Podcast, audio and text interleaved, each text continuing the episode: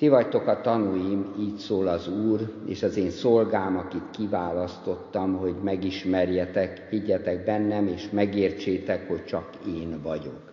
Előttem nem lett Isten, és utánam sem lesz. Én, én vagyok az Úr, rajtam kívül nincs szabadító, én mondtam meg, hogy megszabadítalak, én hirdettem, nem valami idegen Isten. Ti vagytok a tanúim, így szól az Úr, hogy én Isten vagyok. Ezután is csak én leszek. Nincs, aki kezemből kiragadjon. Ha én cselekszem, kimásíthatja meg. Ezt mondja az Úr, megváltótok, Izrael szentje, a ti érdeketekbe küldök Babilonba, letöröm az összes zárat, a káldeusok pedig jaj veszékelnek. Én az Úr vagyok, a ti szentetek, Izrael teremtője, a ti királyotok.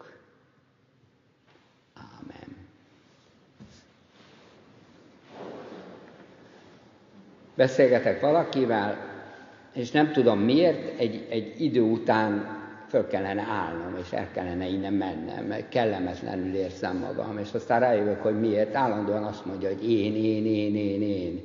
És, és még az ifjabb nemzedék, aki a, ezen a az amerikai hullámon érlelődött, amelyik azt mondja, hogy hát tárt ki a szíved, és mondd el, mondj el mindent magadról, és add ki magadból mindenféléket, még, még az is be tud sokalni attól, hogy valaki állandóan azt mondja, hogy én, én, én, én, én. Ebben a rövid felolvasott szakaszban Isten tízszer mondja ki ezt a szót, hogy én. És tény, tényleg egy idő után kezd nyomasztóvá válni, hogy állandóan újra és újra ezt mondja, hogy én. És ennek nyilván eh, megvannak a, a maga összefüggései a, a, az Ószövetségi teológiában, és ezek nagyon fontosak, azonban inkább egy, egy másik helyzetet eh, hadd mondjak, mert ha valaki mellett ülök, és hallgatom ezt, hogy én, én, én, akkor attól tényleg be lehet sokan, de azért van egy, vannak olyan e, helyzetek, amikor ez életmentő is lehet akár. Képzeljünk el egy, egy, egy ájult embert, vagy egy ilyen, ilyen kómában kerülő embert, aki ott van a határán, még éppen, éppen a, a, a valóságnak a határán, és annak annak újra és újra elmondja az, aki életben szeretné őt tartani, aki ébren szeretné őt tartani, hogy itt vagyok, én vagyok, figyelj rám, nézd rám, nyisd ki a szemed, én, én vagyok a kapocs a valósághoz.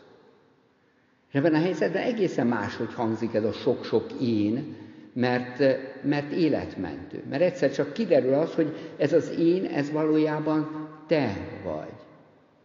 És amikor kimondja azt, hogy én, én, én, akkor valójában mindig ránk gondol, illetve ebben a helyzetben az ő népére.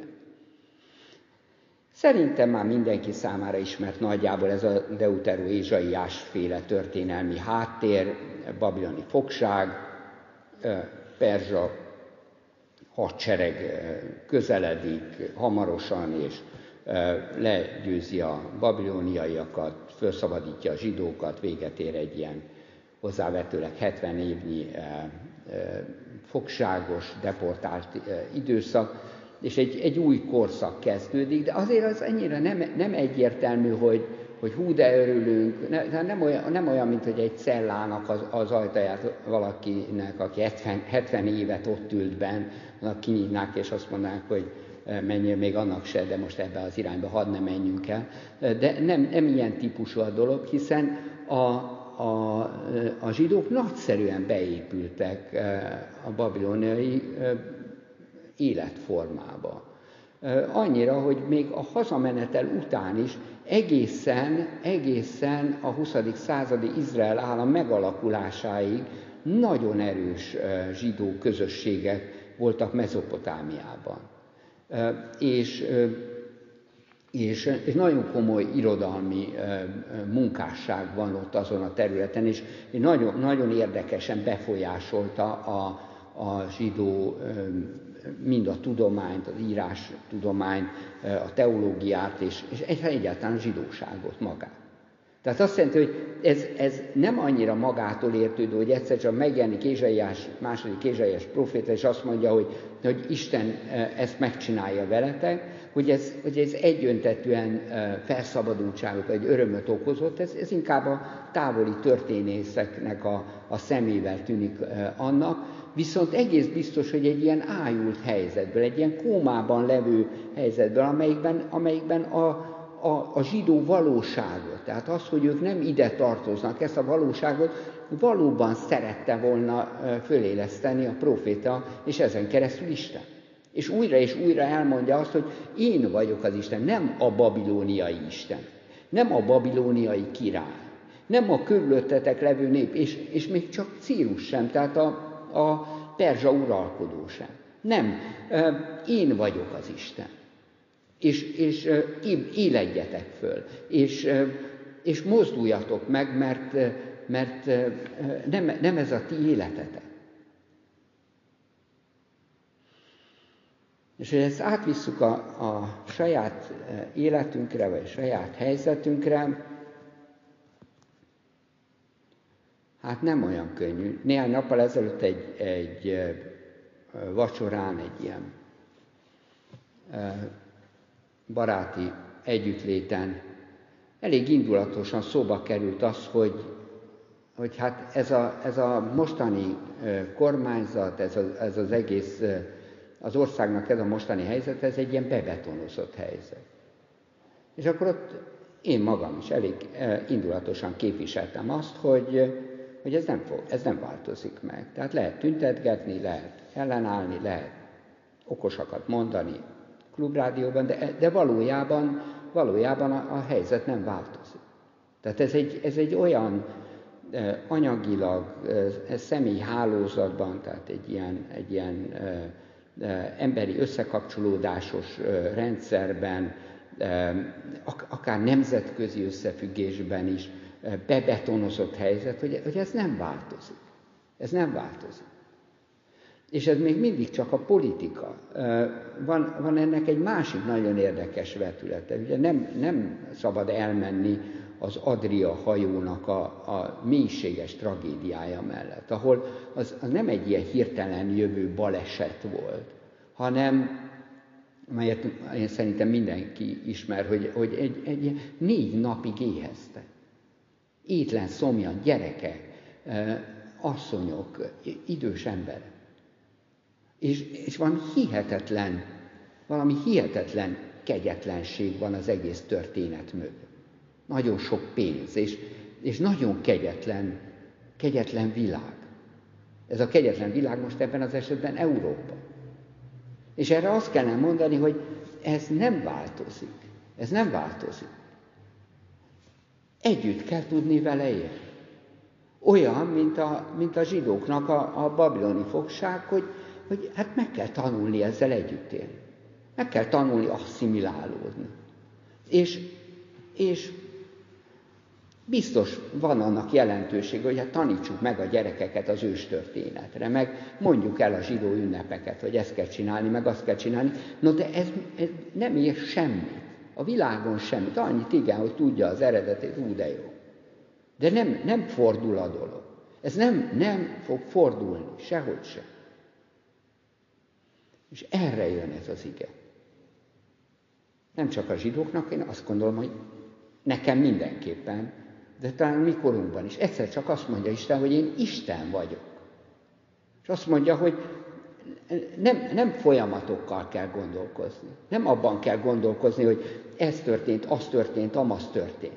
Ne a múltat hozzátok elő, mondja egy néhány sorral később, hanem, hanem én Isten vagyok, itt és most. És, és számoljatok azzal, hogy én Isten vagyok, valóban Isten vagyok. És egyszer csak nagyon érdekesen átfordul ez az új szövetségben személyessé. Nem csak a politika, nem csak a társadalom, hanem a, a személyes élet. Ott, ott, ott ez az Isten vagyok, ott újra csak újra az, én mondásban fogalmazódik meg. Ugye ezek az úgynevezett én vagyok mondások. Én vagyok a jó pásztor, szőlőtő, én vagyok a világ világossága, és így tovább. És ebből a legerősebb számomra, mindig a legerősebb számomra az, amit a samáriai asszonynak mond. Egy, egy kút mellett beszélget a, a, a zsidó rabbi a, a samáriai, tehát egy teljesen idegen etnikumú, sőt azt kell mondani, hogy egy ilyen feszültségben élő etnikumú asszonyjal, akinek, akinek szétesett az élete, és mindenféle rosszakat mondanak róla.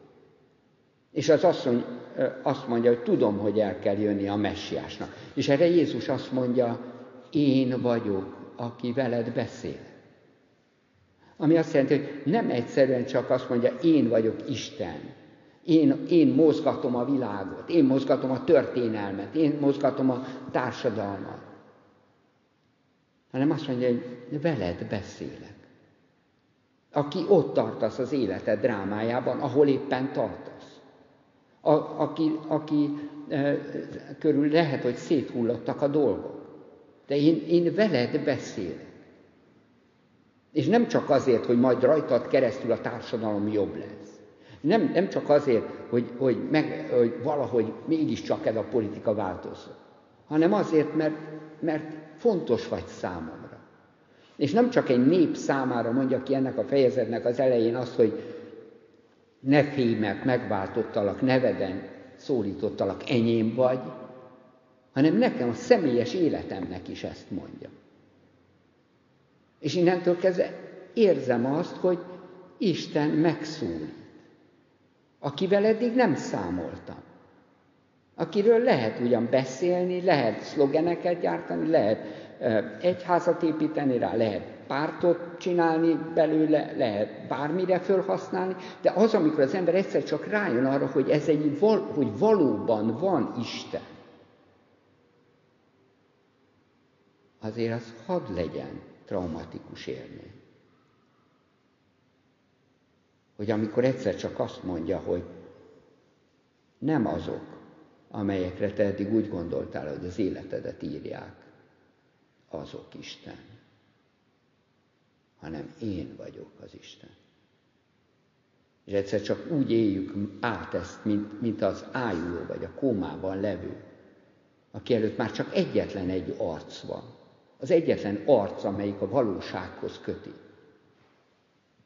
És ez Isten arca.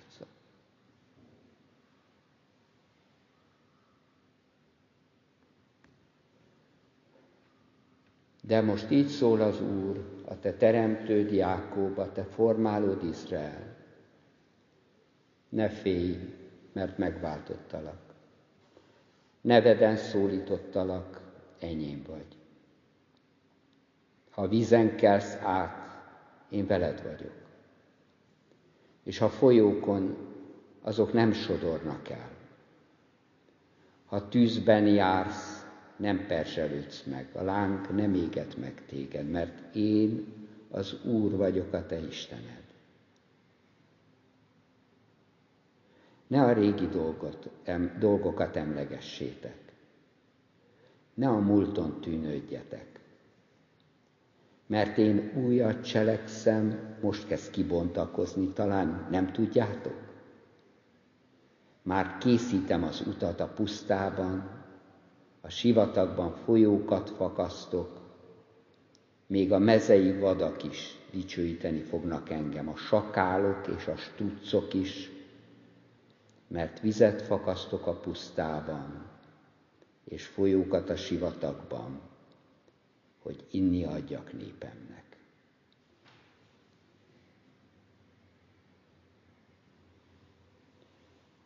Annyi mindenre gondoltam már, annyi mindent mondtam már el,